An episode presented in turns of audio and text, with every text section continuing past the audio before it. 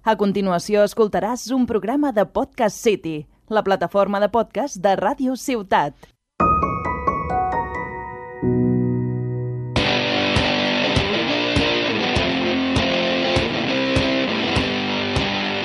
Benvinguts i benvingudes al segon episodi del podcast Oficinista Busca Ofici, un espai on us presentem la realitat dels oficis. Jo sóc la Neu Jové i juntament amb la meva companya Clara Pagès estaran cada mes presentant diferents professions. Parlarem d'oficis coneguts i d'altres més invisibilitzats i ens acompanyaran professionals del sector per aportar el seu punt de vista més personal. Ens podeu seguir i consultar tot allò que vulgueu a través del nostre compte d'Instagram arroba oficinista.ofici o a través del nostre correu electrònic oficinista.buscaofici arroba gmail.com I dit això, comencem, no, Neus? Sí, Anem sí. per feina? Avui has vengut molt jefaza, no? Home, l'altre dia va venir el Dani, vam fer una mica de tema de director i avui ja hem vingut a aprendre més, no? Exacte. I parlant de jefes, no podem arrencar aquest nou episodi sense concloure l'anterior. Així que el nostre superdirector, el nostre primer convidat, el Daniel Figuerola, ha complit amb els seus deures perquè va acabar aquest primer podcast sense concloure, sense explicar-nos el seu salseo. Així que, així que ens ha enviat un, un àudio doncs, explicant els salseos del gimnàs. Hola, Clara. Bon dia. Bé, després d'uns dies de reflexió, finalment ja hem trobat quina anècdota eh, us podem explicar. Bé, he hagut de recórrer totes les àrees, eh? no et pensis que ha sigut fàcil, perquè segurament n'han passat moltes i algunes no, no es poden explicar i d'altres no me'n recordo. Però bé, mira, us explicaré una de molt divertida que ens va passar, de fet no fa gaire, a l'àrea d'aigua, i bueno, tenim diferents tipus de cursets, entre ells els cursets de matronatació.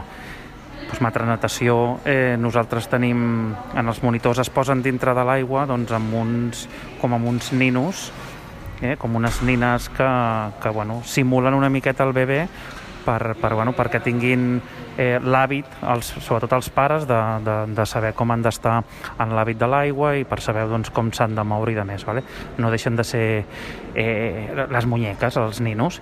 Bueno, doncs, eh, en això que nosaltres fem la classe i de més, i el tècnic doncs, deix la nina, eh, una d'elles, al costat de la piscina. Doncs pues bé, en això, en això que se'ls presenta una senyora que venia a la piscina i agafa aquest nen.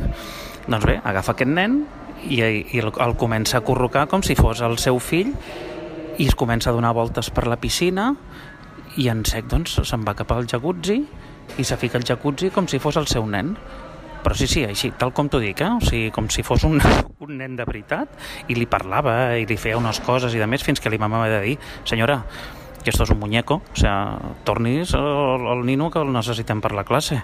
Ah, sí, sí, té, té, té. Bueno, doncs imagina't, una dona que va agafar una nina i, se li, i pensant-se que era un nen i, i se'n va anar cap al jacuzzi. Doncs pues, bueno, esgarrifa't com està, com està la gent. Doncs aquesta és l'anècdota, Clara, Neus, espero que eh, us agradi i que, bé, si, si en un futur me'n recordo o em passen algunes coses, us prometo que me'n recordaré per eh, enviar-vos-la i que passem una bona estoneta. Va, moltes gràcies i felicitats pel programa.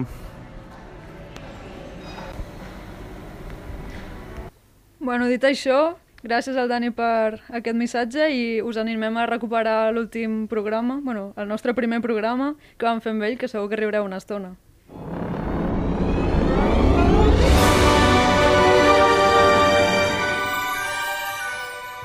Ara us preguntareu, i aquesta música per què? Doncs és molt fàcil, perquè estem gravant aquest podcast i estem a final d'octubre i això significa que d'aquí poc serà Halloween. I és per això que hem aprofitat aquest ambient per convidar a una persona bastant especial perquè està relacionada amb la mort. Sí, ara mateix pot ser vos ronda per cap pues, un sicari, però si és així esteu ben equivocats. O no, amb nosaltres mai se sap. Claro, per favor, no en els oients, que si no... no, no, no. Uh, la veritat és que el protagonista d'avui uh, té una professió, una professió que és poc coneguda, diguéssim, i sí, està relacionada amb la mort. Sandro Rey, no? quasi, quasi, quasi, quasi. Um, bueno, avui uh, hem portat doncs, un tanatopractor. i ens preguntem tots què és un tana- tanatopractor, que no ho sé ni dir, tanatopractor. Uh, molt fàcil. Segons diu internet, un tanatopractor és el professional encarregat de preparar el cos amb tècniques de conservació per tal de garantir que les famílies es puguin acomi acomiadar del seu ésser estimat de forma menys traumàtica. I a més a més, si no ho tinc mal entès, també si el cos està... ha tingut un accident o el que sigui, també s'ocupen de reconstruir aquest cos. I dit això, donarem pas al nostre convidat especial, el Xavier Roca. Benvingut, Xavier, un plaer tenir-te a nosaltres. Hola, bones, igualment. Eh, bé, Xavier, per trencar una mica el gel, eh, què en penses de la definició que acabem de donar? S'adiu a la teva feina? Mm -hmm, és correcte. Quines diries que és la rutina que segueixes quan arribes al teu lloc de treball? Rutina, primer començar amb un bon cafè, perquè mai saps el que t'espera durant el llarg del dia. No sabem eh, qui es pot morir en aquell moment i llavors estem esperant a que pues, ens truquin pues, des de residències, domicilis o des del mateix hospital. I vosaltres us traslladeu fins al lloc o us porten... Mm, bueno, eh, l'empresa normalment som un grup de molta gent, però eh, sí que acostumem a anar pues, a, al domicili a buscar pues, quan ens truquen per una defunció, o a l'hospital o a la residència. Però acostumem a anar, sí. I la primera pregunta així és com has acabat sent tanatopractor, que suposo que és una pregunta molt típica. Què és el que t'ha mogut o què és el que t'ha dit jo vull ser tanatopractor? Mm, Bé, més que buscada va ser una miqueta de eh, fortuït. Entrar antigament en una eh, fusteria i abans eh, els fusters eren els que preparaven aquestes caixes de quan hi havia un difunt al poble. Llavors, a través d'aquesta fusteria, doncs, eh, va ser començar eh, avui un difunt, avui un altre difunt, i fins és que al final és una feina que t'enganxa i mm, acabes treballant doncs, en un tanatori. Uh -huh.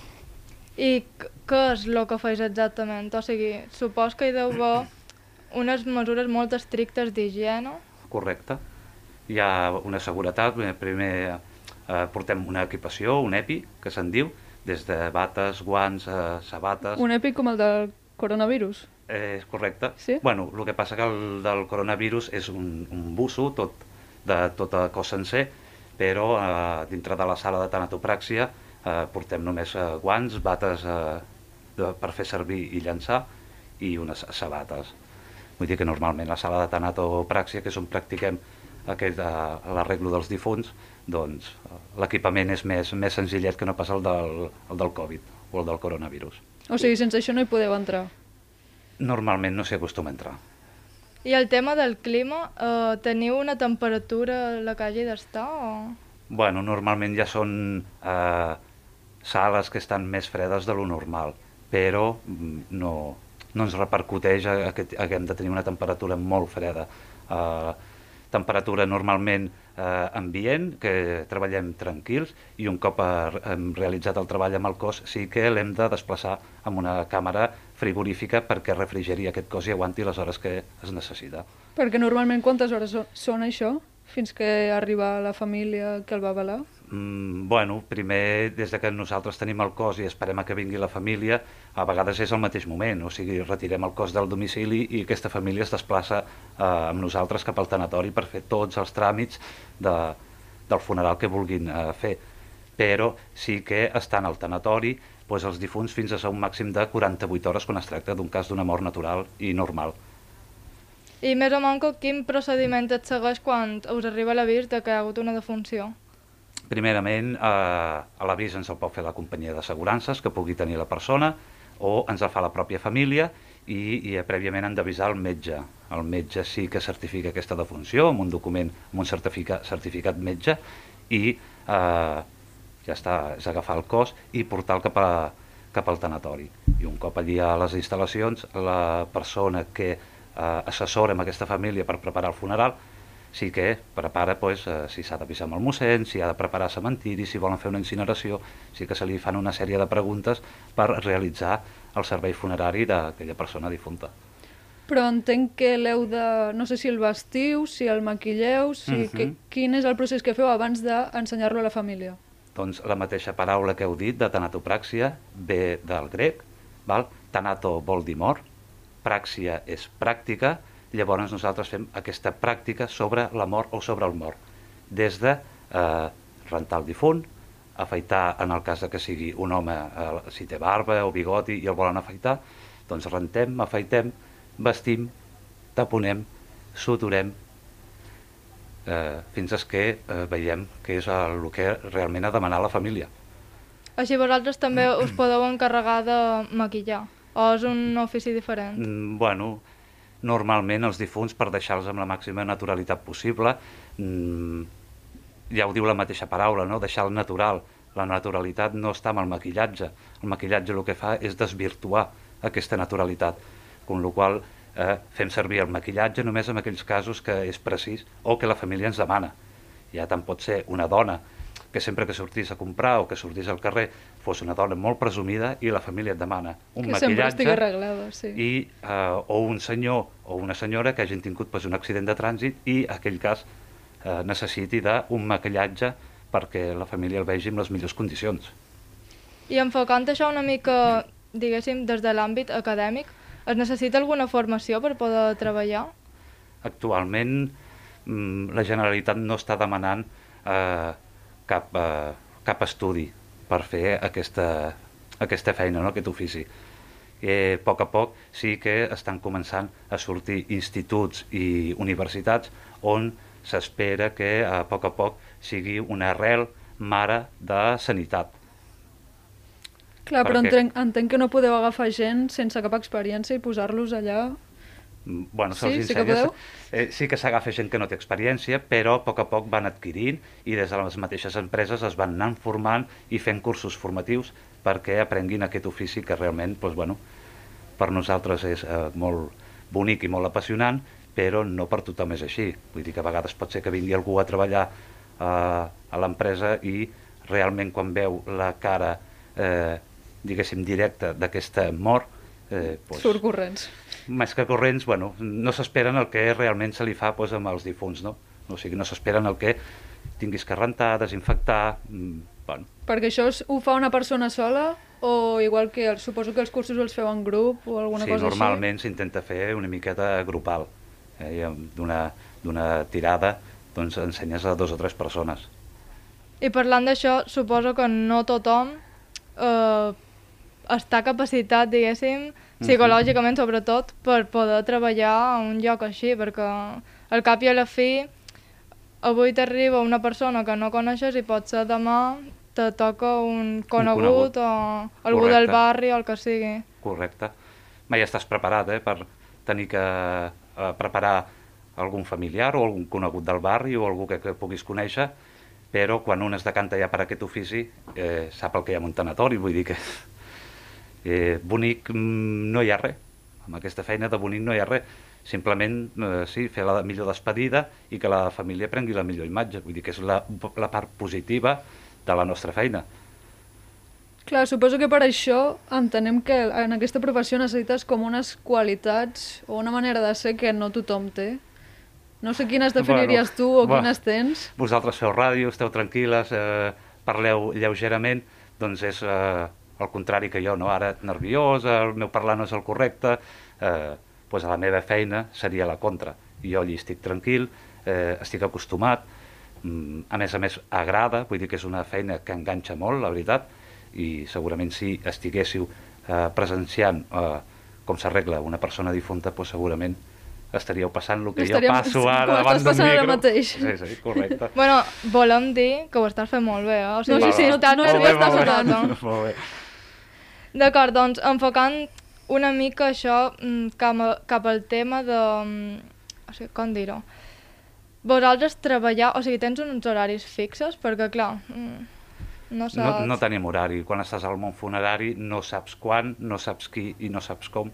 O sigui, et Et poden poden trucar a les dues de la matinada i tu has d'anar allà? Uh -huh. En sèrio? Sí. O sigui, és com si estiguessis de guàrdia tota la vida, bàsicament. Sí. De fet, l'empresa ja té persones eh, preparades per cada aspecte de, des de que hi ha eh, durant el transcurs d'aquesta defunció. O sigui, hi ha una gent que estan preparades per assessorar aquestes famílies, hi ha una gent que està preparada per anar a 24 hores a qualsevol domicili i després nosaltres, que som els que estem una miqueta més preparats per preparar aquests cossos.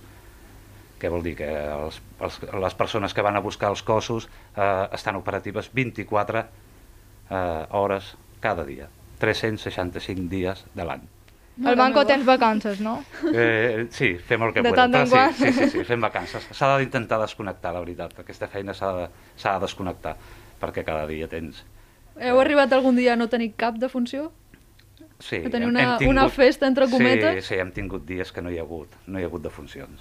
Eh, Bueno, és una sort, i suposo que n'hi ha hagut Sí. altres que constantment, no? Sí, època del coronavirus, Sí. doncs, veritablement eh, ho, vam, ho vam patir bastant perquè era constantment eh, coronavirus pues, per tot arreu. Mm.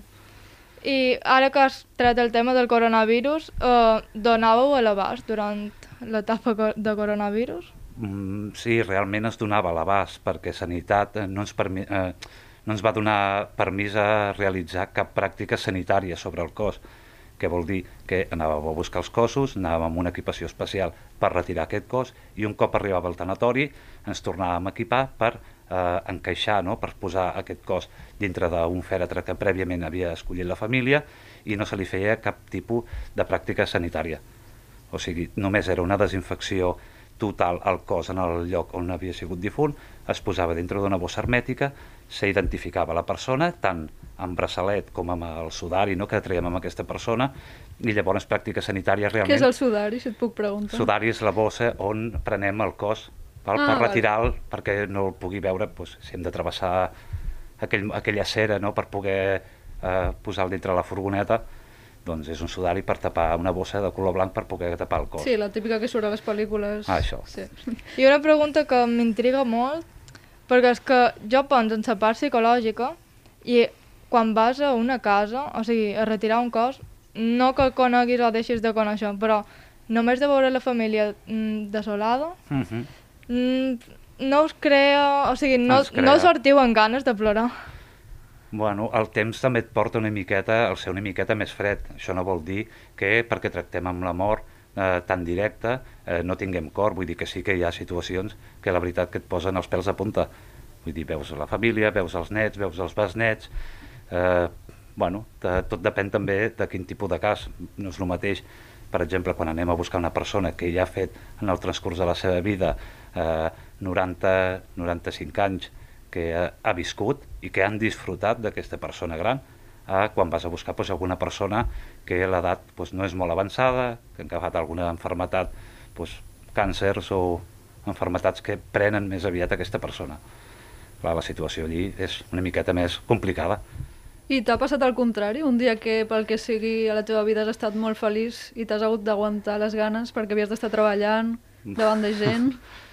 Bueno, sempre respectem molt quan tenim difunts, eh? al mateix tanatori tot és un respecte total a la persona difunta i a la família, però eh, sí que intentem desconnectar i, i sortir darrere i pues, eh, parlar del dia a dia, vull dir que tots al final són persones i es parla d'aquest dia a dia, no? d'aquest Barça-Madrid, d'aquest- bueno, d'aquestes coses quotidianes. Vali, eh, a nivell de materials, no sé si em pots dir què compreu o no compreu, ho pot comprar qualsevol. Bueno, un alcohol, una aigua oxigenada pot comprar a tothom, eh, però sí que l'instrumental que fem servir eh, són empreses especialitzades per servir a tots els tanatoris. Vull dir que sudaris, o sigui, la bossa on dipositem aquest cos, evidentment no la trobaràs a cap farmàcia o a cap eh, lloc que un usuari normal el pugui comprar. Vull dir que sí que hi ha empreses especialitzades per tot aquest instrumental. I t'anava a preguntar, eh, el tema de la desinfecció, eh, a part dels productes, suposo, òbviament per desinfectar, us fan fer, o sigui, seguir algun procediment determinat o potser només ho pot fer, no sé, una empresa externa? No, tot l'instrumental nosaltres tenim, Vosaltres. sí, tenim productes ja especials per eh, desinfectar tot aquest instrumental, eh, bueno, les taules, eh, manetes de portes, tot. Vull dir, tenim productes per desinfectar tot el que és la sala de tanatopràxia. I n'heu afegit algun ara amb el coronavirus o seguiu tenint més o menys El coronavirus ha fet... Eh, Canvis, no? Sí, ha fet, Dràstics. Eh, sí, ha fet molts canvis, ha fet que la gent estigui al dia amb el que són els hidroalcohols, amb els guants, amb la desinfecció, han sortit productes pf, per sota les pedres, per tot arreu. Tothom ha inventat productes i, bueno, al final, mentre tots eh, tinguin la seva part, que és la de desinfecció, eh, al final és igual, però sí que mil, mil productes, mil productes ja de desinfecció. Ara ja per anar tancant una mica mm, aquesta entrevista, et volíem demanar, per exemple, eh, o sigui, la gent té com eh, la teva feina, bueno, la teva feina i bàsicament totes relacionades amb tema de La mort. com, com tabú, o sigui, no es Mhm. parla d'això. I quan es parla, normalment s'intenta agafar cap a l'humor, Uh, T'han fet, no sé, alguna broma pesada, per dir-ho d'alguna manera, o la típica broma de oh, treballes amb els morts, record d'aquestes. Bueno, sí que es fan brometes no, de la feina que tens, però sí que un cop parles amb ells eh, realment de què és la nostra feina, doncs sí que tothom acaba parant orella, perquè sí que és una, és una feina que no està ensenyada, no està explicada, no hi ha cultura funerària, però els pocs que estem a darrere d'aquesta feina sí que intentem trans transmetre no, i explicar que realment existim, quina feina és i que qualsevol dia podrà tocar un familiar seu o un conegut seu i que nosaltres estarem allí per ajudar. Clar, és que no, al final no s'ha de veure com una cosa negativa, perquè No. tothom neix i tothom mor, o sigui, Sí. Llei Però eh, és tabú, la gent no vol sentir parlar de la mort mm, perquè fa por, fa terror, fa pànic, però eh, em sembla que si tothom pensés una miqueta, una miqueta només amb la mort, potser l'ajudaria a viure millor. Bona reflexió, la veritat. Mm -hmm. També et volíem preguntar, una mica més així de temàtica Halloween, eh, si algun cop, no ho sé, t'has trobat allò a la matinada, que estaves allí i senties una mica de por, allò que surt a les pel·lícules a vegades que es contrauen els músculs del mort i dius, No. realment està mort? O està dormit? Jo em sembla que el cap ho fa tot, no? però sí que, com que tenim aquesta miqueta de sensibilitat no? a, a l'hora d'estar en un cos i tens aquella tranquil·litat, aquella calma, sí que pot ser que algun soroll alguna vegada digues, ostres, però és ràpid desconnectar i no eh, cargolar el cap a que, què ha sigut aquest soroll, o si s'ha mogut o si no s'ha mogut. Eh, anem per feina. anem per feina. Val més no menjar-se el cap Sí, perquè si que no... prou delicada és i, i llavors sí que eh, no treballaries tranquil.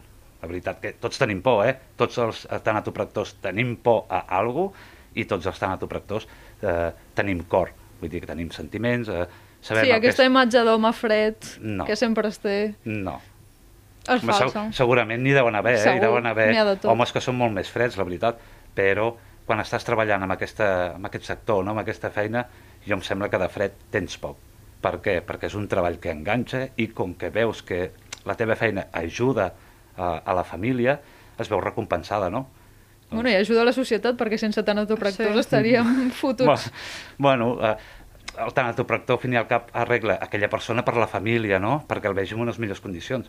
Però si no existíssim, eh, antigament pues, també enterraven igual. Ara pues, eh, se preparen molt bé els cossos, però antigament no hi havia aquesta cultura i realment eh, pràctiques sanitàries molt, molt correctes no eren, amb qual s'enterraven igual, eh? però la mateixa societat ha anat eh, anant veient una miqueta més de cara a la mort i cada vegada les famílies exigeixen més el que volen la seva persona amb les millors condicions possibles. O sigui, s'ha acabat eh, un dels temes que hi havia un accident de trànsit i aquella persona, la família, no el podia veure perquè estava molt malament. Això... I us va tocar arreglar-lo, entenc, perquè devia estar molt desfigurat. Sí, i però fer... antigament, com que no existia aquesta cultura, doncs la persona no estava preparada, no tenia estudis i no, no tenia la capacitat per preparar aquest cos, eh, la resposta que hi havia era eh, està tan malament que no es pot veure. Però, a poc a poc, s'ha evolucionat, s'ha estudiat i ara eh, molt difícil que eh, diguis que no poden veure eh, a la seva persona. I penseu que, o sigui, que sou molt pocs en aquest ofici? Creus que se necessita, la millor normalitzar i fer un, com una petita crida, que la gent s'animi? Sí, sí, correcte. Eh, Des de eh, les empreses ja s'intenta eh, ensenyar una miqueta o intentar eh, transmetre la nostra feina o que existeix l'amor a nivell tant universitari o, o a l'ESO, anar a culturitzar una miqueta, perquè avui en dia eh, tot està canviant, però l'amor no ha canviat. L'amor hi va ser, hi és i sempre hi serà, i llavors s'ha de culturitzar amb aquest jovent que bueno, pues que avui en dia pff, està tot Bueno, és una que- miqueta desmarxat, no? Molts patinets, molta... Bueno, Sí. hi ha una miqueta de, de locura, però sí que s'hauria de parlar una miqueta de l'amor i de què pot passar. A vegades no cal que la busquis perquè ella ja t'ha buscat tu, eh? Bueno, és que, també És fa... una loteria, és una loteria. Pels joves jo crec que no és, no és típic dir vull ser tan autopractor, no és una cosa No. que estigui Però, en ambient candent. No, però sí que la gran majoria, no quan parles de l'amor, eh, primer en un principi és, oh no, ningú vol sentir, però un cop eh, tothom acaba amb un sopar o amb un dinar preguntant. O sigui que hi ha una miqueta aquest gossanet, no?, de tothom, de... Una mica de que- morbo. Sí, sí, aquí hi ha el morbo i les ganes de saber, ostres, què feu i com ho feu i per què ho feu? Vull dir que jo em sembla que tothom té aquesta miqueta de, de pessigolles, no?, amb, amb què es fa amb la mort. Precisament per això, nosaltres, quan vàrem estar buscant professions per dur a terme el nostre podcast, vàrem dir, crec que haurien de portar professions que, que estiguin com a més invisibilitzades, perquè en el Mhm. final és una professió que, com tu has dit, hi era, hi és i serà sempre, Mhm. o sigui, se necessita. Mhm. I a l'escola, a l'institut, no, es, mm, no es té com una opció. O sigui, per exemple, quan els joves eh, van, demanen recomanacions, o sigui, a psicòlegs o gent especialitzada que te pot recomanar, no te donen com una opció de dir, Mhm. mira, també hi ha aquest ofici. O sigui, Mhm. ningú va pensar que hi ha oficis relacionats amb la mort. Mhm. I potser a través d'aquest podcast, a lo millor algú ens escolta i ja pot saber, pot entendre una mica més com és la vostra professió, que creiem que és una cosa pues, totalment necessària. I tant. Uh, S'entén que a poc a poc, amb el temps, tal com ha anat evolucionant uh, la mort i la cultura de la mort uh, a nivell nacional, a poc a poc uh, s'aconseguirà que siguem una, ja ho he dit, no? una arrel de sanitat i que es pugui formalitzar correctament una persona a nivell universitari o, o, o practicar o no, o sigui, vull estudiar això i que se li donguin eh, pues, eh, totes, tot l'instrumental possible perquè ho pugui estudiar. Vull dir que al final hi ha d'haver professionals com hi ha amb tots els hospitals per eh, preparar els vius, per arreglar els vius, però també hi ha d'haver professionals per preparar aquests morts o els nostres morts. I creus que amb una carrera estaria bé o que només amb tenir un professional al costat ja fer unes pràctiques tota carrera, tota carrera universitària és correcta, vull dir que com més coneguis el cos humà i més preparat estiguis, més bon professional seràs. O sigui que sí que nosaltres hem començat amb, amb, amb unes titulacions una miqueta més eh, fluixes eh, a nivell acadèmic, però que sí que el temps portarà a que cada, eh, sí, a que cada professional que hagi de tocar un cos eh, sigui eh, un professional amb un estudi contundent a darrere. Vull dir que sí que s'acabarà ensenyant eh, al jovent de dir hi existeix la mort i existeix qui prepara amb els morts. Precisament parlant una mica d'això, ens ha arribat un àudio d'un dels oients que bueno, els varen comentar que avui atendríem aquí el nostre programa i ens ha fet arribar doncs, uns dubtes Uh -huh. i bueno, ara li donarem pas a veure si tu li pots resoldre. Vale, d'acord. Hola, buenas. Soy Aaron Lozano y soy fan, fan, fan, fan aférrimo del podcast. Vamos, fan incondicional. Y tengo un par de preguntas. Una bastante normal, creo yo, y la otra algo más macabra. Primero, cuando toca maquillar a un difunto, ¿se utiliza el mismo maquillaje que para las personas o se utiliza alguna técnica especial? Pues que hasta donde sé, la piel de un muerto no absorbe el maquillaje de la misma forma que una piel viva. De ahí mi pregunta. Y la segunda, a ver, a ver, a ver cómo hago para que no se vea muy mal. Vale, ya sé. A ver, yo soy un profesor ingeniero, aún me queda medio año de carrera, pero ya casi, casi, casi está, toquemos madera. Y como ingeniero, cada vez, me- cada vez que me toca hacer algo complicado, yo me vengo arriba y disfruto más que las tareas, entre comillas, sencillas. Mi pregunta es, cuando te llega un caso raro o complejo, ya sea un cadáver desfigurado un cuerpo en muy mal estado de descomposición, dices, uy, qué chachi, me voy a divertir. O piensas, "Buah, qué trabajo, esto me va a llevar un, un faenón. ¿Qué- ¿Cuál es tu, cuál es tu opinión? ¿Cuál es ante un caso complicado? Bé, bueno, quan tenim un cas complicat, ja ho he comentat abans, nosaltres respectem molt, eh, som, eh, intentem ser molt professionals, respectem molt i no freguem les mans d'avui que ha vingut, xalaré, al contrari, pensa sempre mm, una miqueta el que tens a l'altre costat de la sala, que és la família. Llavors, eh, clar, ojalà que no vinguessin Sí, però difunts suposo que ho diu, ho diu una mica en el sentit de, jo què sé, t'agrada més maquillar-los, dius, ui, que bé em toca maquillar, ui, que bé em toca fer aquesta altra feina. Bueno, al final, eh, com que la teva feina és arreglar-los, és igual si porta maquillatge, si és més complicat, evidentment, eh, com més complicat sigui, més estona eh, de feina tindràs. Eh, Bueno, suposo que és un repte, també. Sí, al final són reptes perquè la família és la que mana, vull dir que al final si aquest difunt no presenta les condicions òptimes per la família també t'acaben dient, escolta, vull parlar amb la persona que ha preparat perquè, pues, no sé, el meu pare o el meu germà no es pentinava així o no... Bueno, i el tema del maquillatge que pregunta, eh, sí que és, a veure, és un maquillatge cosmètic que es pot comprar a qualsevol eh, botiga es- especialitzada en maquillatges, però sí que la forma de maquillar mm, sí que busquem eh, el més natural, vull dir que tampoc mm, no acostumem a fer pestanyes i eyeliners i... Ni disfresses de pallasso, però sí que, ni- no, però sí que anem a comprar eh, pues, pintaungles convencionals o, o inclús a vegades la família t'acostuma a donar el seu maquillatge. Vull dir que et diu, escolta, pinta-li les ungles, o et dona el pintallavis, o et dona el seu perfum, perquè tot això fa ja, que ho- ja ho sigui... tenien a casa i és el que els I recorda. perquè fa més a la persona. Sí. Vull dir, eh, la meva mare es pentinava així i es ficava aquest eh, perfum, vull dir que te donen moltes explicacions de com era la seva mare o com era el seu pare, i sí que et donen doncs, molts objectes perquè la puguis maquillar o li puguis pintar les ungles del color que a ella doncs, li agradava. El Doncs, Clara, jo no sé tu, però a mi, amb el respecte amb el que ha parlat de la seva professió, a mi m'ha convençut mi que si el dia de demà passa qualsevol cosa, Déu vulgui que no, que quedi molt d'anys, però jo crec que ja sabem a qui trucar. Esperem que... Esperem que... Sí, esperem que per ara no, però... Doncs res, moltes gràcies, Xavier. No sé Val. si vols afegir alguna cosa, si hi ha alguna cosa que t'havíem de preguntar i no te l'hem preguntat. Mm, no, tot molt correcte, les preguntes molt, molt respectables, vull dir la veritat, però nosaltres també disfrutarem d'aquest Halloween i d'aquestes festes eh, fent la castanyada amb la família Sí. i tot.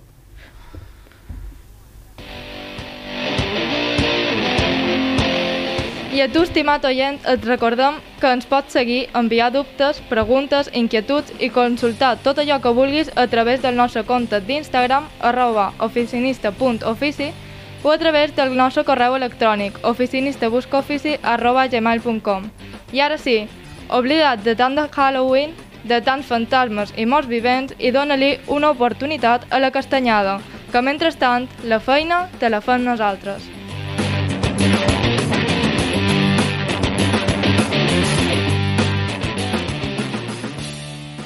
Has escoltat un programa de Podcast City, la plataforma de podcast de Ràdio Ciutat.